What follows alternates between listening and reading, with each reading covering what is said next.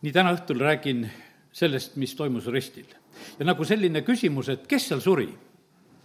no ma usun, et äh, kõik me enam-vähem vist ikka vastaksime, et Jeesus suri. ristil, kui me räägime täna ristisurmast ja Jeesusest, olgugi et ristil surid kindlasti väga äh, paljud inimesed tollel ajal, sest see oli Rooma hukkamisviis ja sellepärast kaugeltki Jeesus ei olnud ainukene, aga Jeesus oli see eriline, kellest me ikka nüüd räägime. aga kes seal suri? no see oli nii, et äh, Olga Kolikova väga äh, huvitavalt rääkis just möödunud pühapäeval ja, ja sealt äh, ma täna nüüd jagan ka kõigepealt nagu neid mõtteid, ta ütles, et minu jaoks oli ka kogu aeg, nii nagu seal esimese, Johannese esimese peatüki kahekümne üheksas salm räägib sellest, et vaata, see on Jumala tall, kes võtab ära maailma pattu, et Jeesus kui Jumala tall, sest et Johannes kuulutab ja räägib, kui ta näeb teda sinna Jordani äärde tulevat, ja, ja ma usun sedasi, et äh, see paljude tallede suremine, mis oli ohvri toomiseks, noh, oli üsna tavaline ja, ja arusaadav ja, ja just nii ka äh, sellele ju siis ka mõeldi. aga nüüd on nii, et Jeesus on palju rohkem, sest et meil on isegi osad need laulud, et on juuda lõvi ja, ja ta on jumala tall ja, ja kui me hakkame Jeesuse kohta neid võrdlusi tegelikult äh, tooma, siis neid on palju-palju tegelikult rohkem. ja, ja ma usun niimoodi, et, et et eh, selles, eh, mis seal ristil toimus, on palju rohkem, kui eh, võib-olla me esimesel pilgul nagu seda mõistame öelda. aga nüüd teeme nii, et loeme Jumala sõnast kõigepealt mõningaid kohtasid, lihtsalt täna kõigepealt, mis meie mõtteid juba ka selle juurde nagu viivad. ja lihtsalt Jeesuse kohta loen näiteks kõigepealt siin Mattiuse evangeeliumi üheteistkümnendast peatükist, loen Jeesuse kohta salmid kakskümmend üheksa ja kolmkümmend. võtke enda peale minu ikke ja õppige minult, sest ma olen tasane ja südamelt alandlik ja te leiate hingamise oma hingedele, sest minu ikke on hea ja minu koorem on kerge. no kui seda salmi lugeda, siis ei ole juttu siin lambast. lambad ei olnud mitte mingisugused ikkealused loomad seda võib-olla võisid lapsed nalja pärast teha, et paned lammast midagi vedama. aga siin on tegelikult, on räägitud sellisest ikkealusest loomast ja, ja sellepärast siin jääb juba üks, üks selline küsimus üles, et kes see siis selline ikkealune loom võis olla, kui siin selline, selline võrdlus on toodud. siis ma loen siit samuti veel eh, Philippi kirja teise peatüki, kuskohast ma loen? ma mõtlen, et võiks lugeda juba viiendast salmist, see on nii ilus lõik, mõtelge iseenesest sedasama, mida Kristuses Jeesuses. Teis olgu samad tunded, mis Jeesusel on, vene keeles on nõnda öeldud. Kes olles Jumala kuju, ei arvanud osaks olla Jumalaga võrdne, vaid loobus iseenese olust, võttes orjakuju, saades inimese sarnaseks. vaata, Jeesus võttis väga mitmeid rolle ja sellepärast ma täna nagu eh, seda küsimust küsin ja küsin veel kord, et kes seal ristil suri. sest et tal oli nii mitu rolli, milles ta elas ta oli lihtsalt mees ja ta oli poeg ja oli mainepoeg ja oli taevas isa poeg ja, ja aga nüüd on ta jumala tall, ta on mingisugune ikkealune juba loom, kes ka, kannab iket ja ütleb, et koos minuga on kerge, et ma olen tugev, tõmban hästi, kui tulete koos minuga, läheb hästi ja, ja siis on räägitud sedasi, et ta võttis orjakuju, sai inimese sarnaseks, teda leiti välimuselt inimesena, no see on täitsa selge, et kui ta ristil oli, siis oli välimuselt ta inimene. seal ei olnud mitte mingisugust kahtlust, see oli täiesti selge, et seal suri üks mees. Ta alandas iseennast, saades kuulekaks surmani, pealegi ristisurmani. seepärast on Jumal tõstnud ta kõrgemaks kõrgest ja annetanud talle selle nime, mis on üle iga nime, et Jeesuse nimes nõtkuks iga põlv nii taevas kui maa peal kui maa all. ja et iga keel tunnistaks, Jeesus Kristus on issand, Jumala isa kirkuseks. nii, loeme veel mõne koha. ma loen Hebra kirja mm, viienda peatüki kaheksanda salmi. Ja, ja siin on räägitud Jeesusest kui Jumala pojast, kes õppis kuulekust. Jah, olles küll poeg, õppis ta kuulekust selle läbi, mida ta kannatas.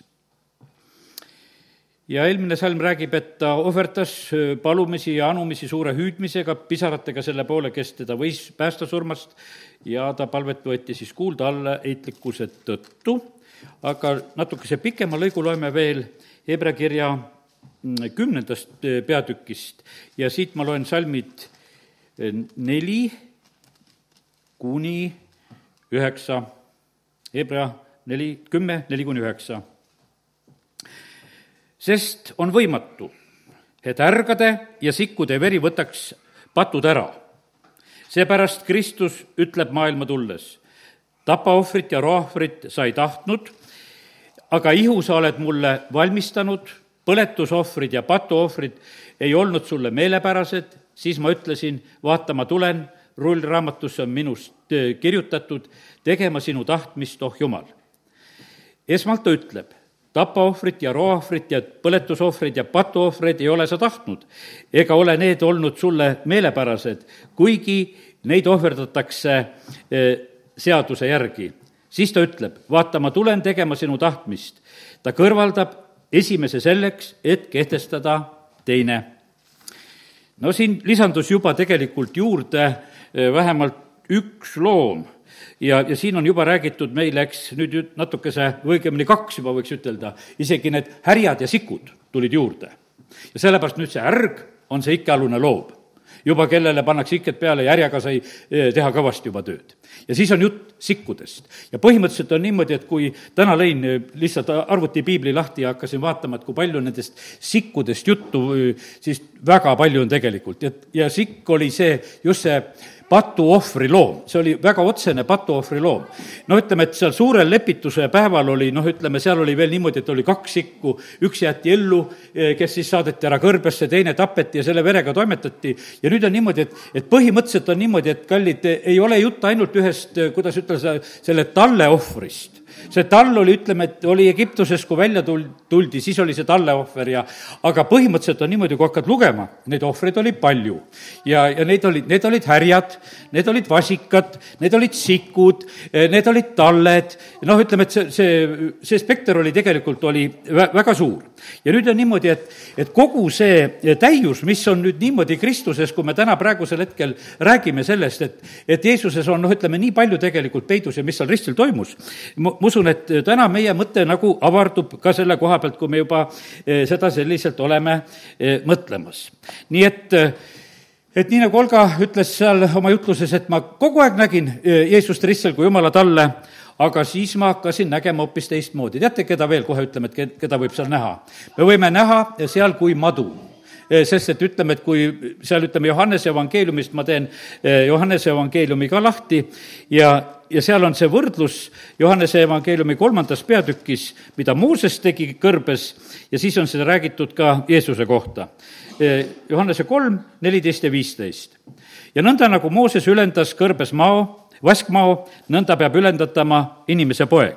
et igalühel, kes usub, oleks temas igavene elu ja nüüd on niimoodi, et Mooses pani selle vaskmao, pani ridva otsa ja kes vaatas selle vaskmao peale, jäi elama, no ütleme, et see on väga konkreetne selline eh, Vana-testamendi lugu, no tore, tuletame täna korraks seda ka meelde, sest sellest on juba väga õppida meile ka, sest ma mõtlen, et kõik see, mis ristil toimus, see, see on niimoodi, et eh, ma mõtlen, et kui sa praegu hakkaksid noppima seda, et mida sellest kõike saad, siis see on tohutu võimas õnnistus ja sellepärast on niimoodi, et ma nagu sooviksin, et me mitte keegi ei kuulaks nagu kõrvalt seda lugu, et noh, et, et temaga oli nii. teate, meie surime koos Kristusega seal ristis, midagi pidi sündima ja muutuma meie juures, sest see, seal pidi midagi ära surema ja midagi pidi eh, meis hoopis uut tõusma ja, ja sellepärast on see niivõrd oluline, tähtis, nii et tõmban veel kord kaasa, et igasugused muud mõtted kadugu ära. aga neljas Mooses eh, kakskümmend üks eh, loeme nüüd ka ja, ja sealt salmid neli kuni kuus ja kus on räägitud sellist lugu Vaskmaost no seal on niimoodi, et eelnevalt on just Iisraelil esimene selline võit. Nad on saavutanud ühe esimese võidu kaanalaste üle seal orma juures ja, ja siis nad lähevad teele peale sellist ilusat võitu. Oori mäe juurest läksid nad ära Kõrkja mere teed mööda, et minna ümber Eedomi maa, aga rahvas tüdines teekonnal ja rahvas rääkis vastu Jumalale ja Moosesele, miks te olete meid toonud Egiptusest kõrbe surema, sest ei ole leiba ega vett ja meie hind tülkab seda viletsat toitu, siis issand läkitas rahva sekka mürgiseid madusid ja need salvasid rahvast ning Iisraelis suri palju rahvast. siis rahvas tuli Moosese juurde ja nad ütlesid, me tegime pattu, rääkisime vastu Jumalale ja sinule. palu issandat, et ta võtaks meilt ära need maod. ja Mooses palvetas äh, rahva eest ja nüüd on niimoodi ja nüüd on selline noh, ütleme issandapoolne reageering, et kui on palve palutud, et kuidas palve vastus tuleb. ma usun sedasi, et meil on noh, kui palve tuleme palvetega issanda ette, siis on meil selline nagu soov vahest, et noh, et kuidas see vastus peaks tulema aga vaata, milline tuli vastus, ma usun, et keegi ei osanud arvata seda, et milline vastus tuleb. ja issand ütles Moosesele, tee enesele madu ja pane see ridva otsa, siis jääb elama iga salvatu, kes seda vaatab. ja Mooses tegi vaskmao ning pani selle ridva otsa, kui siis madu oli salvanud kedagi, too vaatas vaskmadu, aga too vaatas vaskmadu, siis ta jäi elama. ja mõtlen selline, kujuta nüüd ette, niisugune värskelt vasest tehtud asi, see ikka elkis ja läikis seal päikese käes küll ja kui ta oli kõrgele tõstetud ja see madu oli seal näha ja oli selline, nagu oli lahendus tehtud. aga kust need maad tulid tegelikult, ütleme see, noh, ütleme ühe tegi Mooses ja tegi vasest. no ütleme, seda madu me saime aru, kust see tuli. aga teised maad, kust need tulid? siin on öeldud sedasi, et issand läkitas rahva sekka mürgiseid madusid ja need salvasid rahvast. aga mille pärast see juhtus? Sellepärast, et rahvas nurises.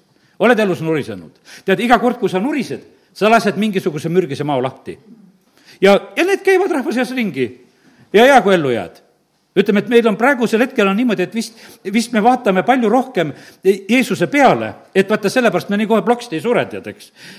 ma sain alles hiljuti ilmutuse, et nii kui sureb, inimene kukub, tead, eks. ja, ja sest, et vaata, imelik see on, seisad ju püsti, seisad püsti, tead, ja aga nii kui hing välja läheb, põmm, inimesed kukuvad, keegi ei jää püsti seisma, võib-olla harva mõni jääb kuidagi. aga no ütleme, et aga nüüd täna, kallid, kui me oleme siin, näed, me õpime selliseid, võiks ütelda, teatud mõttes lihtsaid asju, et kui me midagi teeme, eh, siis nendel asjadel on tagajärjed ja nurinal on tegelikult kohutav tagajärg ja Jeesus, eh, või ütleme, Jumal sellel korral just laseb nagu väga konkreetselt inimestel näha, mis juhtus, kui te nurisesite Jumala ja ka sellel hetkel Moosese vastu. rahva hulgas on mürgised maod ja inis-, inimesed on suremas ja suri palju rahvast.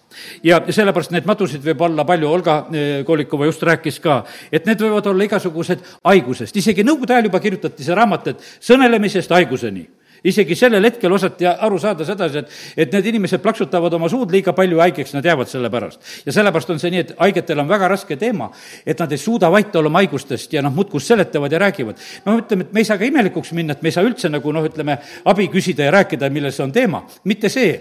aga ma usun sedasi, et räägitakse mõttetult liiga palju sellel teemal. noh, ütleme kogu aeg nagu mingit kaastunnet otsides või ma ei tea, mis asja ja, ja tegeldakse ja sellepärast on see noh, ütleme selline teema, et, et vaata, see surm ja elu on keelevõim vaimuses ja, ja nii see juhtus ka seal kõrbes just sellisel moel. ja igasugused muud halvad asjad ka, igasugused eh, vihkamised ja asjad ja, ja sellepärast on nii, et need asjad, mis tegelikult on inimeste südametes, need mõjuvad väga otseselt ja, ja nii, et need nurina sõnad olid otse kui maod, mis seal olid, aga, aga jumal tuli appi, lahendas selle asja ära, mis siis, et suri sellel hetkel eh, palju rahvast, aga vähemalt sellele nuhtlusele pandi piir. ja see oli paras tegelikult õppetund inimestele, et kuule, et, et niimoodi tegelikult ei saa. no ega vist päriselt mitte nad hakkama ei saanud, aga, aga vähemalt sellel korral, eh, sellel hetkel eh, mõisteti jälle, et kuule, midagi läks valesti. nii et eh, nii on ja nüüd on niimoodi, et eh, kallid, nii see on, et Jeesus võtab ristil äh, kõik need salvamised, ütleme, ja kau-, kaudsemalt juba need nurinad ka, millega me nurisesime. me põhjustasime nurinaga endale probleemi ja nüüd on see nagu lahti lastud siin maailmas ja kuidagi tuleb see ära lahendada ja Jeesus sai selleks vaskmaoks, kes on risti peal, vaatame tema peale, me saame oma nurinatega seal nagu asja ära lõpetada. ja sellest vaata, kui hea on tegelikult, et me ei, me ei pea lihtsalt, et kuule, et oi, ma kogemata, kogemata nurisesin, et mis nüüd saab no kui nurisesid, nurisesid, siis vähemalt ütled Jeesus, kuule, näed, läks jälle mul meelest ära ja, ja kuidagi see veeti mind sellesse lõksu, et hakkasin nurisema. aga nüüd ma vaatan sinu peale ja, ja sellepärast täna teda, et sa võid selle tõttu ka elama jääda. ja sellepärast Jeesus oli ristil, ma ütlen, et kui hakkad niimoodi mõtlema, kes ta seal veel oli? no ütleme, Pilatus kirjutas sinna, et ta on kuningas, ta on juutide kuningas, sureb ristil tema pani kolmes keeles välja, ladina keeles, seebra keeles ja kreeka keeles, lugege kõik, kes seal suri, et see on juutide kuningas ja aga me räägime, näed, juba Vaskmaost. teate, sellepärast oli Jeesuse käest, kui seal küsivad seal need, ütleme need, et kes sa oled? kas sa oled Jumala poeg? Jeesus on vait tal oleks liiga pikk nimekiri, mida rääkida, et ma olen madu ja ma olen sikk ja, ja, ja ma, ma olen tall ja ma olen kõik kokku, tead, et nendel läheb pea segi, sellepärast ta vaatas, et kuule, et teiega ei ole mõtet rääkida. ja et noh, et ma ei suuda teile seda niikuinii siin niimoodi ära seletada, ma parem vaikin. ja sellepärast, kallid, meie õpime siit saadik. ja sellepärast on nii, et meie maine elu läheb ära ja ma usun sedasi, et me veel päris ära ei õpi ja, ja sellepärast, aga õpime täna midagi natuke selle juurde, et vaata, kui võimas see on, mis on Jeesuses ja, ja nii ta on, et äh, Jeesus on seal ja sureb just väga, väga mitmel moe, moel me, meie eest ja, ja ta kannab tegelikult selle äh, noh, ütleme, mis on äh, nagu meis seda halba. nüüd on niimoodi, et vaata, see härgade ja sikkude veri nüüd ma tulen nagu sikkude juurde, ma ei tea, palju me nendest aru saame, mina ise täna õppisin. lihtsalt äh, arvutist hakkasin, noh, internetist läksin vaatama, sest ega minul see loomakasvatusega väga asi kodus ei ole ja mõtlesin, et ma ei taha mööda panna, et kes need, kes need kõik on, eks. nüüd on niimoodi, et, et vaata, seal on, ma natukese niimoodi vaatasin, et et noh, kitsed ja, ja, ja sikud on, eks, lambad ja jäärad. noh, jääradest on muideks ka juttu ohvrite juures, nii et me, ma usun sedasi, et ma täna eh, kõike ei suuda rääkida, aga midagi nagu noh, toon välja praegu. Eh, siis on nii, ja, ja nüüd on niimoodi, et põhimõtteliselt on niimoodi, et kõikidel nendel loomadel on need omad loomused, noh, ütleme, see kits on siis see emane, siis on see isane, on see sikk siis noh, siis sokuks tehakse sedasi, kui ta ära kohitsetakse, ühesõnaga, siis tast saab see sokk, aga põhimõtteliselt on niimoodi, et noh, piibel eelkõige räägib ikkagi, räägib meile nendest sikkudest ja toob nagu selle, et see sikkude ja ärgade veri, mida siis valatakse ja, ja Jesaja raamat algab samamoodi, et jumal ei ole rahul sellega, et mida te teete, et mind ei rahulda see, mida te teete sellega. ja sellepärast uus, uus leping hakkas kehtima, sellepärast et oli vaja midagi paremat, nii nagu me Hebra kirjast juba lugesime. no siit sikk on tegelikult, on selline kuidas ütelda, üsna, üsna selline kangekaelne. ja seal Olga Kooliku ütles, et kui sul on mingisugune sikk, eh, noh, ütleme kellegi ütluse järgi, ütles ka sedasi, et noh, siis on niimoodi, et võid arvestada, et peaaegu, et sul on peremees on majas, kui sul on, kui sa sikku kasvatad ka. sellepärast, et ta on lihtsalt selline. üks mees, ma lugesin, ütles, et, et tal oli, oota, mis tal oli, tal oli igatahes eesel oli ja tal oli sikk ja keegi oli veel, mul ei tule praegusel hetkel meelde. tema ütles küll sedasi, et noh, et tal on, eesel on kõige jändrikum. ütles, et kui ikka see seisma jääb, siis ta ei liigu liigu paigast mitte mingil moel. ja sellepärast noh, mul tuli kohe Pileam meelde seal eesli seljas, et no kui ikka seisma jääb, et eh, siis löö teda või ta hakkab sulle kas või vastu rääkima, aga näed, edasi ei lähe.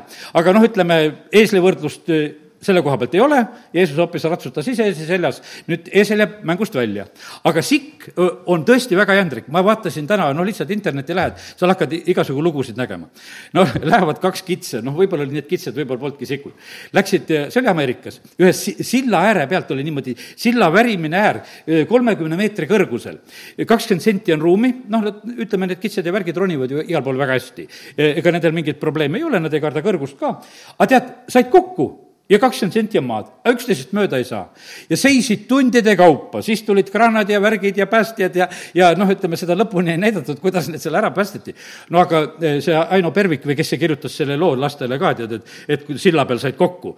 et, et noh, et siis, et ega nad üksteisele järgi ei anna. ja kallid, ma sellepärast täna räägin, et vaata, see sikk peab surema. teate, teate, kes paugu paneb teisele, kes on löönud kedagi? Sikk sinu sees lõi sedasi. sikud panevad ikka täielikult oma sarvedega. ja sellepärast on see niimoodi, vaata see meie siku loomus eh, läks sinna ristile, ta tuli nagu tall, aga sikk suri. Olga rääkis nii huvitavat, ütles sedasi, et vaata, et Jeesus sai sikuks. ja kui kurat sai aru sedasi, et kuule, sikk sureb risti peal, siis tule alla. ei tulnud Jeesus alla, sest et talle oleks väga meeldinud, sest et vaata, Jeesus läks nagu tall, aga siis ta sureb nagu sikk. aga tead, satanistide märk on see sikk seal on just see sarviline, alati. ja see suri seal risti peal, tal oli nii alandav, mõtlesin, et ma läksin tegelikult noh, et Jeesust tapma tegelikult, aga tuleb välja sedasi, et nüüd vaatad ristile, et ise suren seal. et oi-oi-oi, tead, ja sellepärast, kallid, see oli nii põnev tegelikult, mis seal risti peal sünd-, sündis. aga ma usun sedasi, hea küll, kui me mõtleme saatana koha pealt nii, aga kõige parem on see, et las sureb ära meisse sikk teate, mis sikkudega on, ma sain veel nagu selle pildi. vaata, sikud hakkavad ju poksima ja teate, mis juhtub koguduses? Sikud teevad ju selgeks, kes on tugevam. ja, ja kes alla jääb, lihtsalt lahkub. ja sul on variant olla lammas ja jääda kogudusse. kahte sikku koguduses olla ei saa, sest et need, kui panevad, siis üks saab aru, kuule, ma sain ära, tead, ja mul tuleb lihtsalt siit lahkuda. ja sellepärast osad lahkuvad, sikud lahkuvad, lihtsalt, kes on peksa saanud, võiks ütelda sellises mõttes, kes tunnevad sedasi, et võitluses on alla jäänud ja sellepärast on kallid. aga jää lambaks või kitseks kohe saad olla, mitte mingisugust probleemi. ja sellepärast on see nii, et, et need, need pildid tegelikult, näed, kui hakkasid elama, igavene vahva nagu eh, tegelikult näha. ja teate, kallid, nüüd on niimoodi, et noh, see Siku loomus siin üks eh, ütles ka, et sa võid iga päev sellel Sikul seda tara seal, kus ta seal hoiab, parandada aga iga päev ta seda lõhub ka ära. ütles, et oma sarvedega nii peksab ja lõhub sedasi, et noh, need, kes need kasvatavad ja kinni panevad, nad on nii hädas nendega, et, et sikud on tegelikult väga, eh, väga võimsalt eh, tegelikult ka eh, tegutsemas. nüüd nii et kiitus Jumalale. aga lambad, mõtleme korraks lammaste peale, sest et, et me peame saama nagu selle loomuse. teate, see võiks ütelda lammas, lamba kohta öeldakse, et ta on just üsna enamlevinud koduloom üldse et no üldse üle kogu maailma, ta kasvab igal pool, et poolkõrbes ja, ja mägedes ja tasandikel ja ta nüüd üle maailma on väga palju, on tegelikult, on lammast. ja sellepärast noh, nähtavasti Jeesus toob ka neid eh, võrdlusi, toob ka kui lambakarjasest ja ta on selline noh, koduloom, eh, ta on just väga ära kodustatud, ta on selline, kes mäletseb ja sõrgadega ja ja teate, mis lamba koha pealt tuleb veel ütelda seda, lambal on väga hea kuulmine. lambal on hea kuulmine. oled lammas, kuuled hästi ei ole lammas, ei kuule hästi. lamba kuulmine on hea ja ütleme, no lamba nägemise koha pealt vist ei ole nii hea, eks, sellest ma otseselt täna ei lugenud, aga kuulmise koha pealt oli öeldud, et lamba kuulmine on tegelikult väga hea. ja teate, mis on lamba eh, lugu, on veel hea asi? ta on vähenõudlik. kas oled vähenõudlik või oled paljunõudlik? ahah nüüd tunne ära, oled lammas või ei ole, tead, eks, või, või on sul pa-, palju nõudmisi, sest et lamba koha pealt öeldakse, et ta on vähenõudlik, lihtsalt sellepärast on lihtne ja hea eh, teda kasvatada, sellepärast et tal on see omadus ka. ja, ja nii, et on, eh, kiitus Jumalale, et näed, me võime nagu nende, vaata, meile selliste arusaadavate, võiks ütelda, sümbolite ja piltide kaudu tegelikult eh, nagu mõista, et üldse, mis seal ristil toimus ja kes seal suri. ja, ja sellepärast ongi nii, et täna tõstame selle küsimuse, et kes seal suri, seal suri tegelikult tegelikult väga palju. ja kui me seda nagu mõistame, siis me oskame nagu seda, nagu endale ka nagu seda just sellisel moel just ka võtta ja, ja seda sealt ka kätte saada. ja sellepärast ärme ole ja siis need niisugused sikud, sellised isepäised ja vastikud ja, ja, ja sellepärast, et noh, et me näeme, see, see on nii kole pilt. tead, vaata, Jeesus räägib Mattiuse kakskümmend viis, ütleb, tuleb viimne kohus siis eraldatakse lambad ja sikud sikud lähevad vasakule käele ja nende saatus on halb, lambad lähevad paremale käele ja nende saatus on hea. Ja sellepärast on see nii, et see Siku lugu ei ole mitte mingisugune eh, naljalugu, vaid see on eh, tõsine lugu. Ja, aga kurat on väga rahulik, eh, rahul nende sikkudega, sest et vaata, tema on saanud nagu sellise oma loomuse anda. Ja kui sina leiad endas, et seda sikuloomust on ja tead, ma ütlen sedasi, see võib tõusta nagu äkki kuskilt ülesse. sest et noh, et kui ei ole nagu põhjust, aga kuskilt tuleb see põhjus, no tuleb välja see loomus ja sellepärast parem tulgu siin välja, et ükskord, kui meil oleme nagu jumala ees, et me ei oleks selle valla loomusega, sest me peame olema selles Kristuses need e, uued loodud ja, ja sellepärast kiitus Jumalale. noh, Jeesuse koha pealt on need, eks ta on juuda lõvi ja neid, nagu olen täna nimetanud ka. ega neid kõiki pilte täna õhtul ei jõua nagu ühte, ühte juttu panna. aga kiitus Jumalale, et need midagi, midagi võime siit õppida ja nüüd äh, tulen korraks selle härjavärsi juurde ja see härgade veri ja see osa. vaata, Jeesus oli tegelikult väga kuulekas ja ta tegi, võiks ütelda, ta tegi lihtsalt seda tööd, mida isa tahtis vaata, see on nagu, no ütleme, see külg e-, Jeesusest võib-olla meil nagu sellisel moel ei ole ka nagu noh, väga räägitud, et me räägime Jeesusest kui mingisugusest härjast, kes väga kuulekalt tegi tööd, aga seda ta oli. ta oli kuulekas, saades kuulekaks kuni ristisurmani, õppis aga kuulekust ja, ja noh, ütleme, et ta ja pluss no ütleme, et ma jõuan täna ühe koha peale, et kus me peame rääkima veel sellest ka, et, et põhimõtteliselt üks väga tähtis asi, mis meil on Jeesuse ristisurmast, on õppida, on alandlikkus ta oli nagu talv, keda viidi tappa, ta ei avanud oma niitjate suud ja saja kirjutab juba sellest ette. vaata, Jeesuse e, surmast on nii vahvalt, on niimoodi räägitud, sest on ette räägitud, sellest on räägitud, kuidas see oli ja sellest on pärast seletatud, ütleme, apostlite kirjade kaudu, et mis seal toimus. nii et see on, e, see lugu on noh, ütleme nii võimas, et e, sellest ei pääse üle ega ümber. ja ma usun, et kord taevas me mõistame päriselt, mis see, mis see kõik tähendas, mida Jeesus seal ristil tegi. ja, ja sellepärast aga täna näed, õpime seda ka, et, et lihtsalt seda niisugust kuulekust ja töökust ja et ka seda tegelikult äh, on issand meile eeskujuks jätnud. ja, ja nii, et äh, lihtsalt täna näed, võtame need, need, asjad. meie siin maailmas vahest tahaksime eh, muuta ümbrust ja see, see maailm võtab järjest kätte, nüüd teeme selle pöörde, tead, ja nüüd hakkame niimoodi elama, et kui me selle looduse siin ümberringi ära muudame, et siis meil tuleb hea elu. aga teate, mis jumala sõna ütleb? kogu loodu ootab jumala laste auilmsiks saamist kallid, kõige rohkem on, mis siin selles maailmas on vaja, on vaja, vaja muuta inimest. ja inimest seestpoolt on vaja muuta. ja nüüd on niimoodi, et kui see on, see muutus on toimunud, eh, siis, siis on niimoodi, et loodul hakkab ka ümberringi hea. siis paljud probleemid kaovad ära ja sellepärast, et noh, et ütleme, et noh, ei olegi neid probleeme, sest et vaata, eh, kui, kui see muutus, eh, no mis tuleb Kristuse käest, mida ta ristil tegi, no, no siis ei ole tegelikult, siis ei ole neid probleeme, milles me praegusel hetkel oleme. sellepärast, et no see Kristuse loomus ja, ja see kõik, mis ta tegi, no see tõi täieliku lahenduse. ja sellepärast ma ütlen, ta ei teinud poolikut asja seal ja sellepärast on täislahendus, aga me ei usu selles on see küsimus. meie elus on ka sellepärast, me krist-, kristlaste elu on ka sellepärast poolik, et me lihtsalt ei usu me usume palju rohkem igasugust värki, mis on ümberringi, mida inimesed ütlevad ja meil on häda, me guugeldame ja vaatame ja mis teised rääkisid ja vahetame neid kogemusi, värki. vaheta kogemusi rohkem issandaga, et mida sa seal ristil tegid, et ma tahaks teada saada, et kuidas see toimib. et ma tahaksin selle kätte saada, mida sa tegid. et ma otsin nagu teiste kaudu seda asja. ja kui mu üks noh, ütleme, puiduõpetaja, kes tehnikumis oli, no ma ütlen, et ma ei arvaks iialgi, kui ma poleks kuulnud selliseid sõnu, et keegi üldse niimoodi saab mõelda. ta istub kodus, kodus, ta on haige, ta on oma voodi peal istumas ja tal on mingi puidu noh, ütleme, alane õpik ja, ja tead, ja noh, mis räägib täitsa niisuguse puidutööst ja sellest värgist. ja seda, seda teadust paneb seal. ja siis ta ütleb, tead, see raamat on kristlase kirjutatud, ta teadis, et selle autor on kristlane, et ma loen seda. ja tema otsib sellest puiduõpikust, otsib Kristust. ma ütlesin, et õpetaja, palju lihtsamini leiab piiblist Kristuse üles, kui seda puiduraamatut praegusel hetkel lugeda. ja, ja sellepärast noh, tõesti ütleme, sest et no minu õpetaja ütles ka tehnikumis niimoodi, see puidulõhn on nagu lillelõhn, tead, eks. ja, ja kristlastel peab ka hea lõhn olema, no ikka kuidagi jõuad selle eh, Kristuse juurde ka, tead, eks, eh, suure pika tiiruga.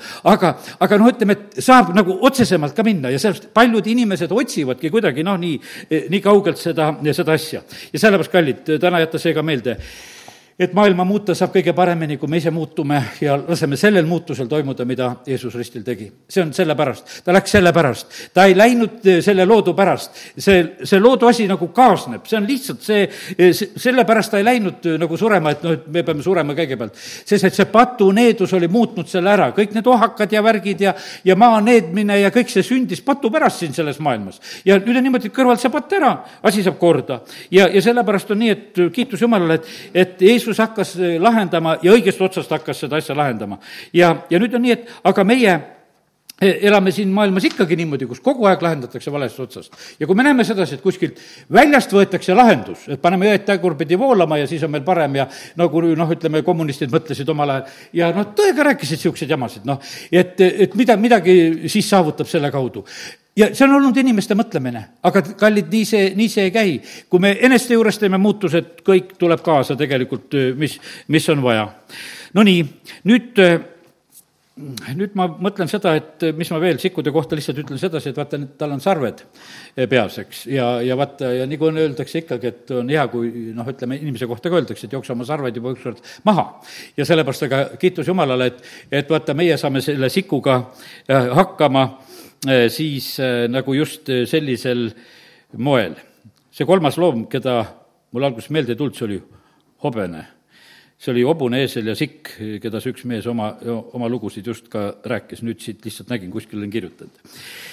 Nonii, ja nüüd ütlen sedasi, et patuohvrisikud, kui hakkad seda uurima, oi, neid on palju ja, ja, ja sellepärast on see nii, et, et igal juhul selles eh, Vana-testamendi ohvrite osas toodi just väga seda siku osa tegelikult toodi. ja no üks huvitav koht, mida noh, ütleme, võiks vaadata ja noh, ütleme, et härjavärss ja ja, ja sikk ja kõik, mida Aaron oma esimeses ohvris tõi ka, aga aga üks veel huvitavam koht on kolmas Mooses neli ja, ja kakskümmend kolm kuskil ja ma teen lahti kolmas Mooses neli. ja, ja seal on vaata niisugune, võib-olla ma olen kunagi rääkinud, aga täna nagu uuesti nagu avastasin, sest ma olen isegi ääre peale kirjutanud, et vaata, et on neid patuohvritest on juttu siin selles peatükis. ja siis on niimoodi, et on erinevad ohvrid on toodud nagu gruppide kaupa. kui patu teeb võitud preester, koormates rahvast süüga, see on neli kolm, kus ma loen praegusel hetkel pane tähele sedasi, kui pattu teeb võitud preester, siis ta koormab rahva süüga absoluutselt nalja ei ole selles asjas. sa põhjustad nagu seda lugu, kallid püha preesterkond, kes me oleme siin. meie koormame rahvast süüga. siis ta peab patu pärast, mis ta on teinud, tooma ühe noore veatu härjavärsi issandale patuohvriks. no kiitus Jeesusele et meil on nüüd need, kõik need härjavärsid ka, et ega me ei pea tulema siin, et ärga tirima ja, ja sikku tirima, et me tuleme lihtsalt oma asju korda tegema. meil on Jeesuses kõik need asjad ära toimetatud. aga põhimõtteliselt on, et meil peab kohale jõudma, milles on nagu teema. ja sellepärast on niimoodi, et kui, kui preestrid teevad pattu, kolmteist salm on öeldud sedasi, ja kui kogu Iisraeli kogudus eksib, aga nõnda, et koguduse silma eest jääb see varjatuks, et nad on teinud mõne issanda käsu vastu midagi siis, mida ei tohi teha e, ja saavad süüdlasteks. Ja patt, mida nad on teinud, saab ometi teatavaks, siis kogudus toogu üks noor härjavärss patuohvriks ja viigu e, koguduse e, telgi ette. siis on räägitud ka koguduse süüst. Ja siin on samamoodi juttu siis ka ühest noorest härjavärsist, samamoodi nagu oli preestriga, et nüüd kogudus ja preester üsna ühe pulga peal. nüüd kakskümmend kaks salm, kui üks vürst patustab ja kogemata teeb issand oma jumala mõne käsu vastu midagi, mida ei tohi teha ja saab süüdlaseks. aga temale tehakse teatavaks ta patt, mida ta on teinud, siis ta viigu oma ohvrianniks üks veatu sikk. see on sikku vaja.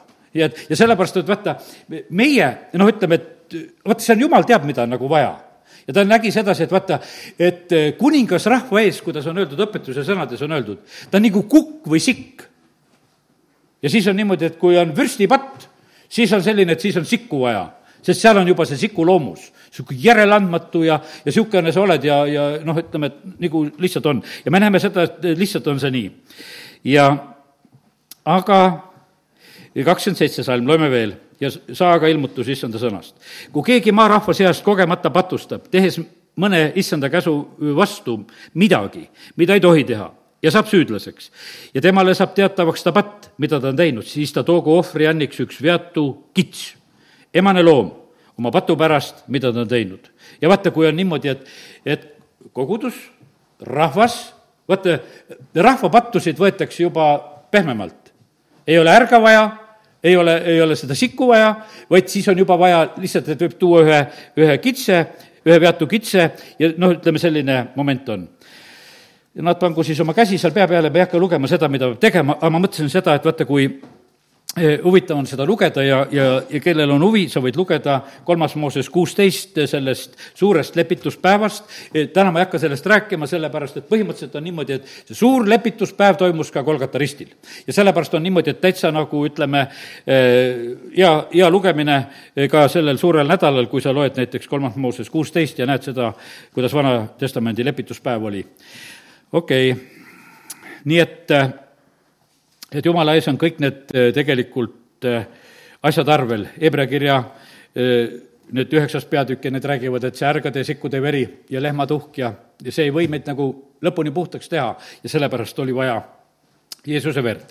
aga nüüd ma teen jutuspöörde, nüüd ega teil külm ei ole, sest et minuni isegi tuleb siit tuult.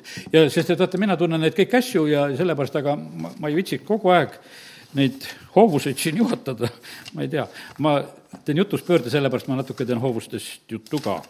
ja nüüd on järgmine asi, mida ma hakkan rääkima, on see, ma hakkan rääkima nagu sellest, sellest alandlikkuse küljest, millega Jeesus ristile läks.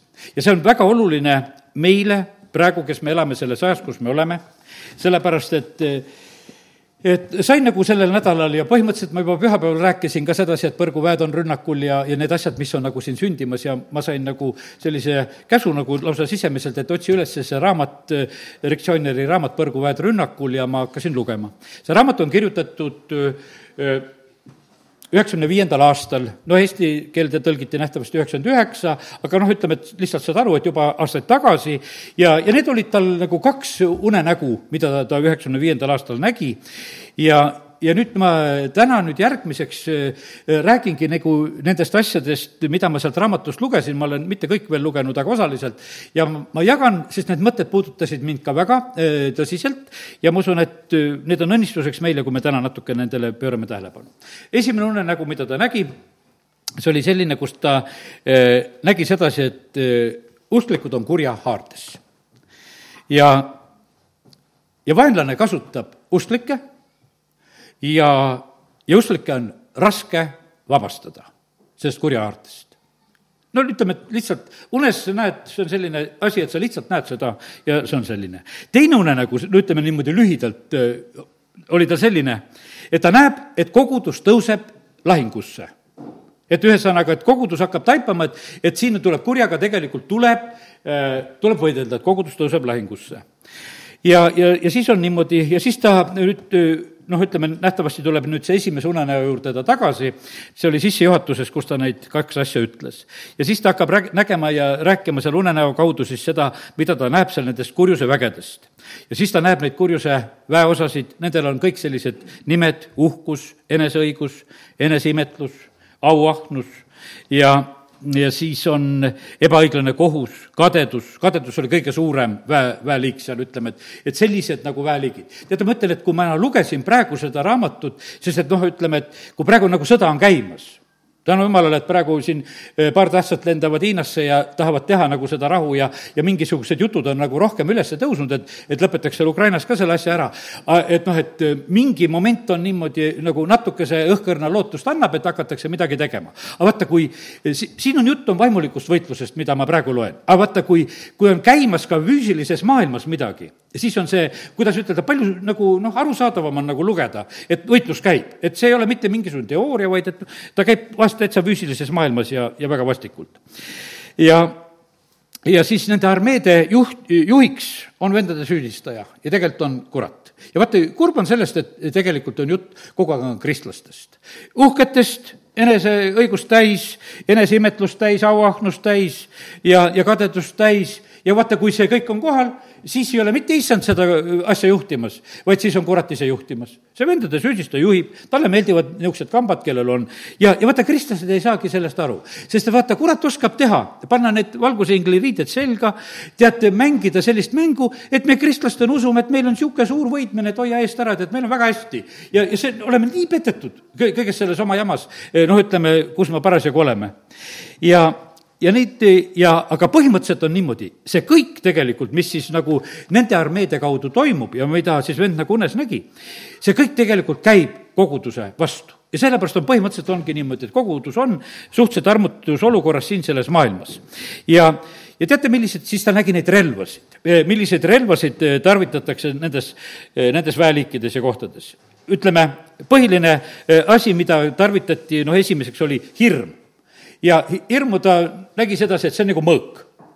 ja siis ta nägi reetlikkust, see on nagu oda ja, ja siis oli süüdistamine, tagarääkimine, laim ja, ja vigade leidmine, need olid nooled. no neid nooli on nagu niimoodi, et vaata, eh, mõõgaga sa lähed väga lähivõitlusesse, mõõgaga sa väga kaugele ei ulatu. Mõõk on nii pikk, kui sul on, sellega teed, eks, koljate omaga natuke rohkem. aga see on selline, oda, noh, võid ju visata ka ja odaga on natuke see teine lugu juba, eks, ja saad torgata ja teha, aga no nooled on, need lased juba kuskilt nurga tagant, eks. ja, ja siis need igasugused halvad asjad. ja, ja siis ta nägi veel seda, et et kõige selle juures on sellised noh, ütleme niisugused luuresalgad, kes käivad nende väeosade ees, on niisugused teemonite eelsalgad, mis tegelevad kõrvaletõukamisega, eh, siis kibestumisega ja kannatamatusega ja andestamatusega ja iharusega ja ütleme, et selliseid noh, ütleme, valesid asju, eh, noh, ütleme, et vaata, see teemonlik haarab meid kaasa just need teemad, mida, mida tuuakse nagu kohale, see lihtsalt, see lihtsalt tuleb. see, mida teemonid toovad, nad toovad selle, eh, selle meisse, sest et vaata, see, see, see vaim mis meie sisse tuleb, see paneb meie ihu ka niimoodi liigutama. täpselt, sest et vaata, me, sest et vaimul ei ole eh, luud ega liha. ta tuleb sisse ja sellepärast on niimoodi, et need narkomaanid ja osad asjad on, lähevad sellisteks ära ja noh, ütleme, et no lihtsalt elu jooksul, mis sa oled näinud, saad aru sedasi, mis nagu inimestega juhtub, sellepärast et füüsilises ihus juhtuvad ka asjad. ja ütleme, et mis oli kõige selle eesmärk, mida siis need väeosad tegid, mida tegelikult vaenlane tarvitas ja kahjuks kristlasi, olid lõhed lõhed koguduste vahel, lõhed kohu-, koguduse ja, ja pastori vahel, lõhed abikaasade vahel, laste ja vanemate vahel, lapsed omavahel, no ütleme, et lihtsalt lõhesid külvata. ja ma usun sedasi, et me võime näha sedasi, et, et nendes asjades tal on aeg-ajalt ikkagi vaenlasel parasjagu edu olnud. ja nad otsivad neid pragusid, lihtsalt tullakse, vaadatakse, kus on vähegi võimalust ja, ja siis on niimoodi, et ja, ja siis eh, kõige võib-olla kurvem on seda lugedagi veel, et, et vaenlane ratsust, ratsutas kristlaste seljas. ja sellepärast lihtsalt ta tarvitab kristlasi, et ei olegi hobeseid vaja, vaid lihtsalt paned kristlaste seljas ja need kristlased olid peened, nad olid auväärsed, nad olid haritud, aga nad ei saanud sellest aru, et kes nende seljas ratsustab. vanakurat ise ratsustab nende seljas oma, oma eh, väega seal nende teemonitega ja nad arvasid, et jumal tarvitab neid. ja, ja vaata, kui petetud võib olla sedasi. Ja sellepärast, kui paljud tegelikult räägivad, mulle jumal ütles ja mul jumal käskis ja, ja siis me vahest mõtleme, et no on nagu jumal, igasugu asju käsib kogu aeg ja sest, et ei, ma ei hakka kõike rääkima, mida ma siin kuulen ja ma vahest lihtsalt kodus teen suu lahti, mõimestan, no küll on, küll vahest tuleb kogudustele pähe midagi teisi käskida, mida teha ja, ja inimesed muudkui käsivad kuskilt. siis ma mõtlen, minu jumal üldse niisugust asja ei käsi, tead. mida ta kogu aeg käsib sedasi, see ei ole kuskilt, aga see, aga see ongi see teema, et vaata, kui, kui valed asjad saavad kästud teha üksteisele, siis saadakse tigedaks ka, aga mis sa meiega veel ei tee, me ju rääkisime, me ju kutsusime üles, kõik peavad niimoodi tegema ei pea mitte kui midagi tegema, tead. sellepärast, et see on, see on noh, ütleme, et aga kui sa usud seda, et see, kes su seljas ratsutab, on jumal, siis sa saadki sealt neid igasuguseid äh, valesid eesid. ja tead, mis juhtub see? kogudus langeb armust ära. ja vaata, siis on inimesed kangesti mures, et mida peaks tegema. ma mõt-, hakkasin mõtlema sedasi, kui olin laps, sain päästetud, olin üheksa-aastane, käisin koguduses. tead, ma ei tundnud kunagi mingisugust niisugust sü-, sundi, et ma midagi peaks olema. ma pidin olema lihtsalt normaalne inimene see oli ainuke sund.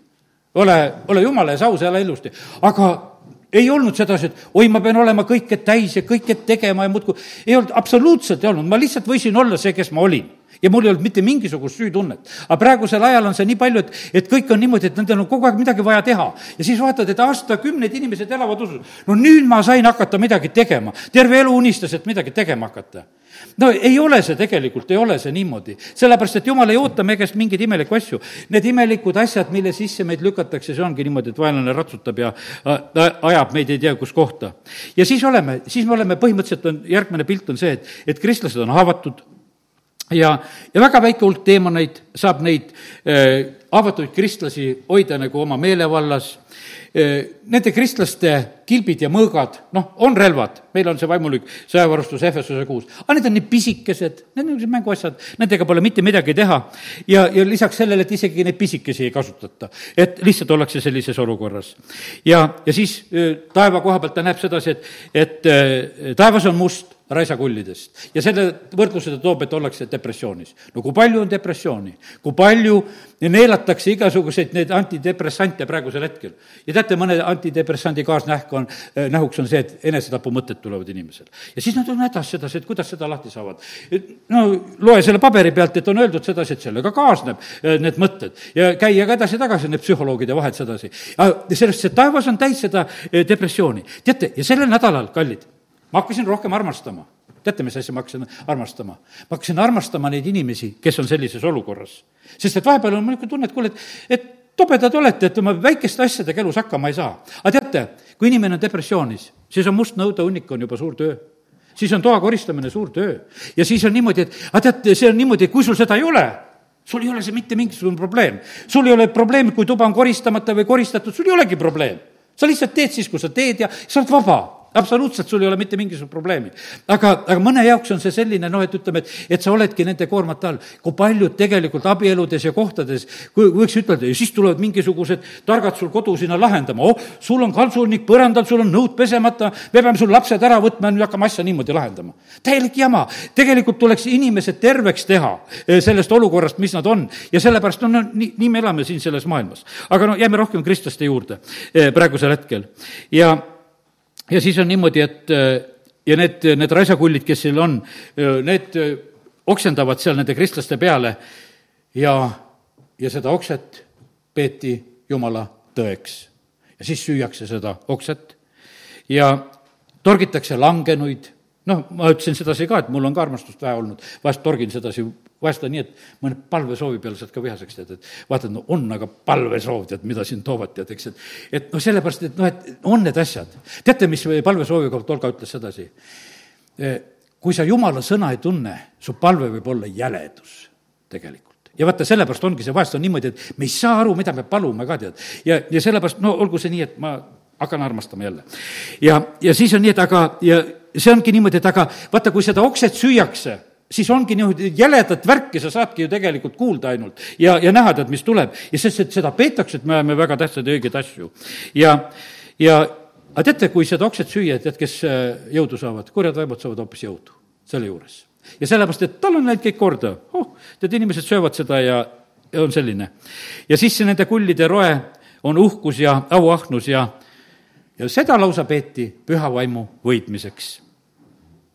ja siis on kõige kurvem veel see ka jälle, mis ma ütlen, ma ütlen mitu korda vist kõige, kõige, igal pool oli kurb, tähendab, et see on tarvitatud kaaskristlaste eh, ründamiseks. Ja vaenlane kasutab seda. Ja praegu ka eriuskonnad, sa oled vale kiriku all, sinu kirikupea istub vales riigis, sa ei tohi palvetada, sa ei tohi uskuda, rünnatakse. no mis me olime, me olime samamoodi, me olime selle oma koguduste liiduga, olime Moskva all, ütleme, kui Nõukogude aeg tuli no ma ei teagi, kus me ennem olime, tead. eks ütleme, nõukogude ajal ma mäletan, et tulid venekeelsed Bratski vestnikud ja igasugused eh, Moskvast värgid, ühe korra käisin meie liidu keskuses Moskvas, käisin ka seal ära, no tuli see vabadus, nüüd oleme Euroopa all, ma ei teagi, kus kohas nad seal kõik on. aga nagu kuskil nad seal on, kelle, kelle alla siis seda asja keerati. no aga ega sellepärast ei saa midagi nagu noh, ütleme, põlata neid inimesi, sest et teate, jumal armastab kõiki rahvaid ja, ja igal maal võib olla kirik ja me ei pea põlgama teise rahva kirikut ega seda asja, sellepärast, aga see on nii jabur, mis siin praegusel hetkel toimub ja, ja näeb ja siis hakatakse mõnda väga kiitma, esile tõstma, nii et ohohoo, ja aga see on selline inimeste ründamine ja igal pinnal ju just käib kristlaste pihta. ja aga kallid, issanda vägi oli väikene, väikesed relvad, oldi osaliselt kaitstud, osad olid juba haavatud ja, ja suurem osa selles Kristuse sellises tõelises sõjaväes olid naised ja lapsed. järelvägi selles kristlaste hulgas oli õnnelik ja pidutsev rahvas, kes laulis alati halleluuja laulusid, ei mingit sõda, meil on hea jumal, meil ei juhtu mitte midagi halba, me ei näe ei usu. ja teate, olgugi, et jumala sõna räägib, et tulevad rasked ajad ja Jeesus õpetab sedasi, et kuidas kurjal päeval seisma jääda, ei ole siis halleluuja vaid siis peab olema sõjavarustuses, siis pead olema palves. sul peavad kõik seljas olema, kogu jumala sõjavarustus. ja sellepärast on niimoodi, osad leiavad, ah tead, et see on niisugune tead jama, et millega nad siin räägivad kogu aeg.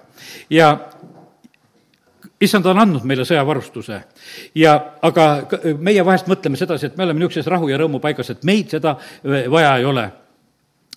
jah, rõõmu saab tunda, kui ühel päeval oli, müür oli valmis ja siis näed, Neeme õpetas ka, kuidas rõõmustada ja, ja aga siis noh, nähtavasti oli see nüüd Rick Joyner, kes ise selles unenäos, et ma palvetasin, et kristlaste relvad saaksid suuremaks ja et nad saaksid varustust juurde. tead, see on niisugune noh, nagu praegu sõjas on, et saaks varustust juurde, saaks võimsamaid ja ägedamaid asju, küll me siis sõdiks, eks. Nonii, ja palvega saadaksegi juurde siin me näeme ka, muudkui paluvad ja saavad ja saadi seal ka. aga vaenlane ründas kohe ja laim ja tagarääkimine ja kohe. ja, ja siis on niimoodi, et need raisakullid vedasid neid langenuid ja jälle vangide leeri ja, ja, ja nad lasid ennast sinna viia. ja haavatud ja uskmatud ja ei lasknud ennast ka aidata ja sellepärast, kallid, ma ütlen sedasi, et vaata, paljud inimesed ei lase aidata, mulle täna ka keegi helistab, et noh, aidake inimest no kuidas me saame inimest aidata, inimene peab tulema nüüd issanda juurde, tuldi ka. tead, vahest issand läks Pedessa tiigile ja küsib, kas sa tahad ja, ja teeb sellised, kallid, tulge issanda juurde, issand aitab. ja sellepärast on see niimoodi, et, et ega mitte vastu tahtmist mitte midagi teha ei saa. haavatud ja uskmatud sageli ei lasegi ennast ära aidata.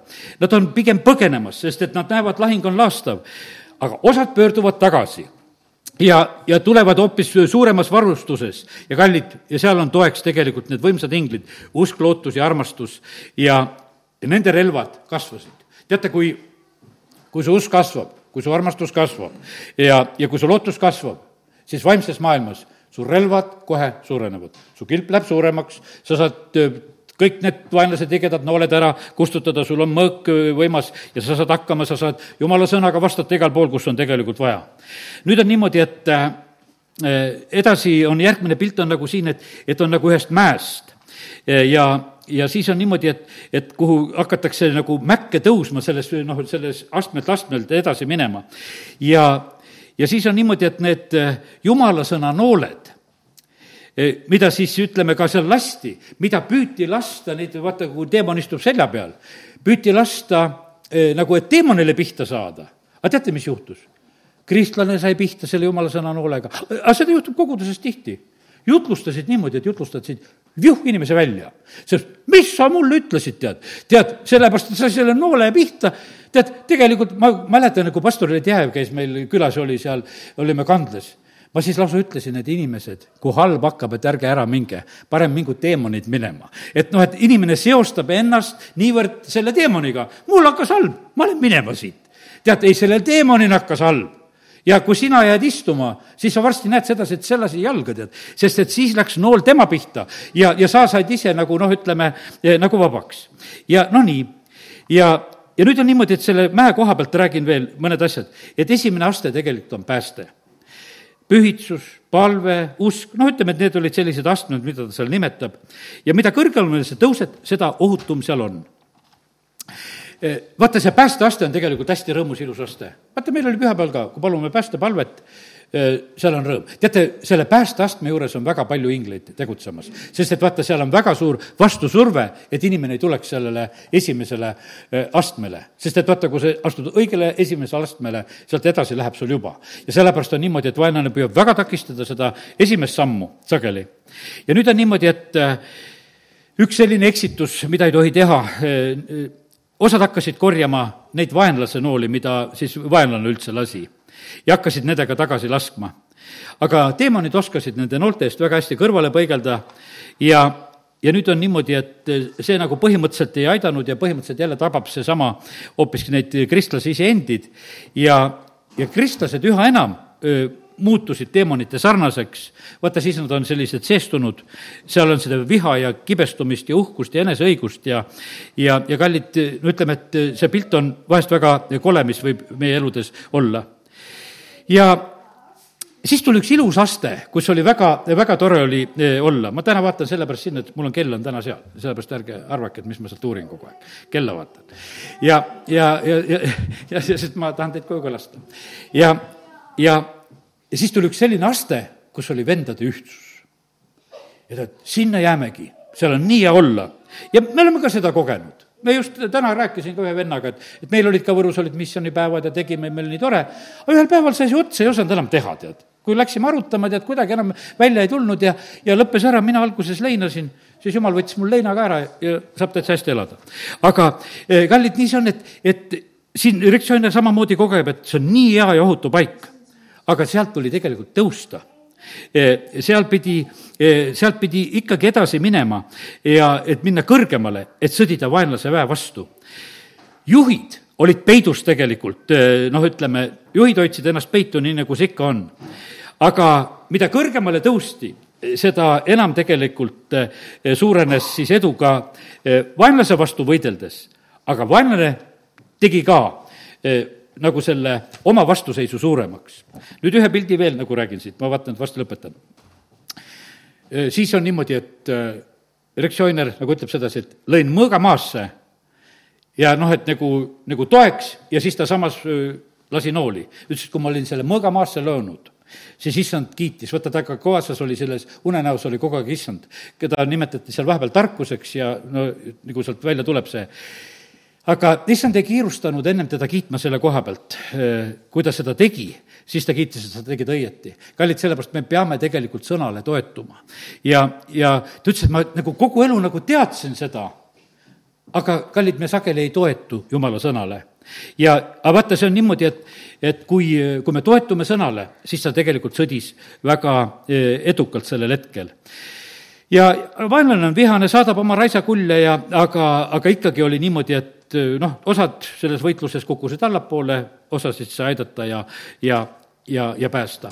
aga nüüd ma näen sedasi, et lihtsalt aeg on täis ja selle koha peal ma lõpetan, aga mu idee oli täna selles, rääkida Jeesusest, kes oli ristil, et kes ta seal oli ja, ja näete, täna jäi ots päris lahti, kui palju ta oli ta oli palju-palju, aga seda kõike meie pärast, meie loomuse pärast.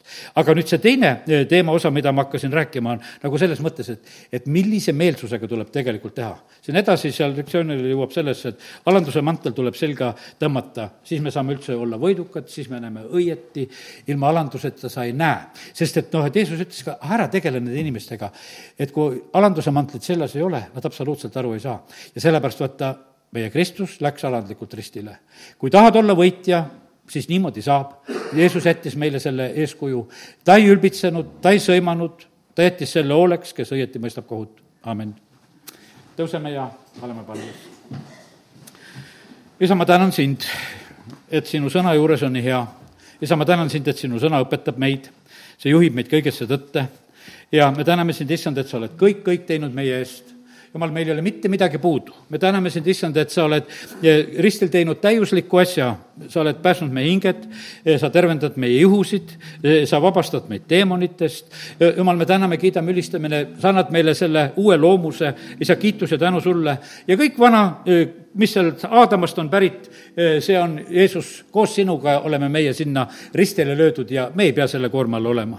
ja sellepärast kadugu meie elust ära kõik need sikud ja värgid.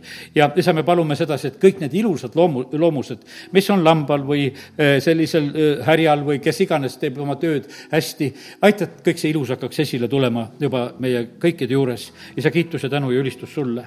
aga isa, me palume seda, et aita meid eristada, nii nagu su sõna õpetab, et katsuge vaimud läbi. isa, me palume seda armu, et meie ei oleks siin paigas petetud, et arvame, et, et see, mida vaenlane kõrvas osistab, et see on mingisugune jumala töö. isa, me täname sind, et sa oled ütelnud meile täna väga selgelt ka, et lamba kuulmine on hea.